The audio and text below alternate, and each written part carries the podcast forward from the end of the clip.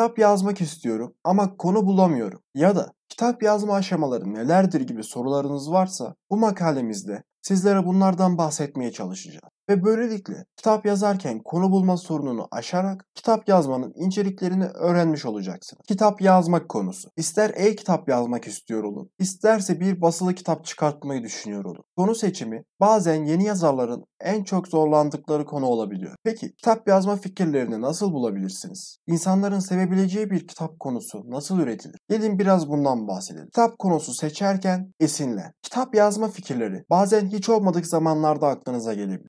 Yolda yürürken, otobüste ya da metrobüste bir yere giderken bu fikirler aklınıza gelebilir. Öncelikle bu fikirlere dikkat etmelisiniz. Aklınıza geldiğinde unutmadan hemen bir yere not almak sizler için iyi olacak. Peki aklınıza hiçbir fikir gelmiyorsa nasıl bir kitap yazma fikri bulabilirsiniz? Bunun için en iyi yöntem esinlenmek olabilir. Sevdiğiniz, insanlar tarafından da sevilen filmleri, dizileri ya da diğer kitapları aklınıza bir getirin. Bu kitaplar hakkında biraz düşünerek siz de bunlara benzer kitaplar yazabilirsiniz. Tabii ki burada bahsetmek istediğim şey bu kitapları kopyalamak ya da yan versiyonunu yaratmak değil. Bu kitaplardan esinlenerek bunlara benzer kitaplar yazmak. Yani burada bir kopyalama durumu söz konusu değil. Sadece diğer kitaplardan ve dizilerden esinleneceksin. Böylelikle siz de çok zorlanmadan kitap yazma fikirleri bulabilirsiniz. Ayrıca kitabınızı esinlenerek yazacağınız filmin, kitabın ya da dizinin diğer insanlar tarafından da sevilip sevilmediğine bir bakmanız gerek. Sadece sizin sevdiğiniz ama genel olarak halkın sevmediği bir filmden esinlenerek bir kitap yazarsanız kitabınızı da genel olarak halk sevmeyebilir. Sonuç olarak da yazmış olduğunuz kitabınız güzel satış rakamlarına ulaşmayabilir. Bu yüzden esinleneceğiniz materyalin büyük bir kitle tarafından sevilmesine dikkat edin. Kitap yazmak için karakter belirleme. Eğer kurgusal yani roman tarzında bir kitap yazıyorsanız kitabınızda karakterlerin olması gerekiyor. Bu karakterleri kurgularken de zorlanabilirsin. Bu aşamada yine filmlerden, kitaplardan ya da dizilerden ilham alabilir ve orada zaten bulunan insanlar tarafından sevilmiş olan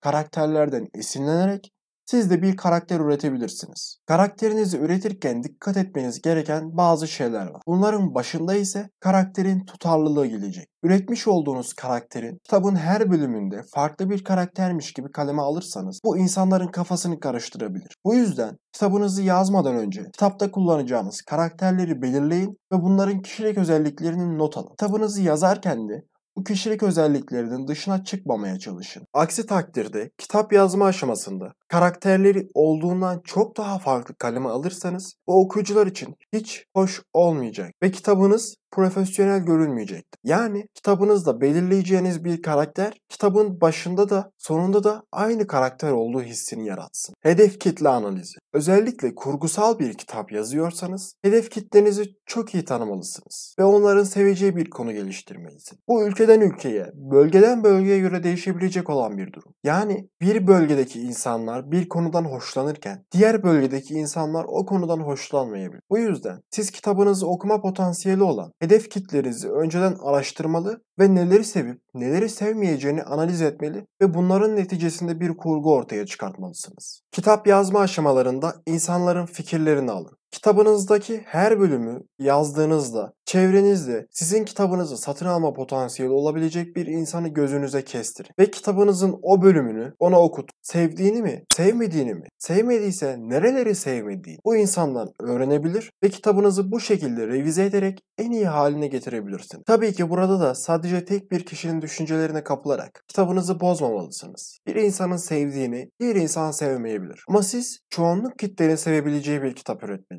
Bu yüzden kitabınızı yazarken olabildiğince fazla geri dönüş almaya özen gösterin. Eğer kitabınızı okuyup seven insanların sayısı fazlaysa kitabınızı satmaya başladığınızda da kitabınızı seven kişiler bir o kadar fazla olacak.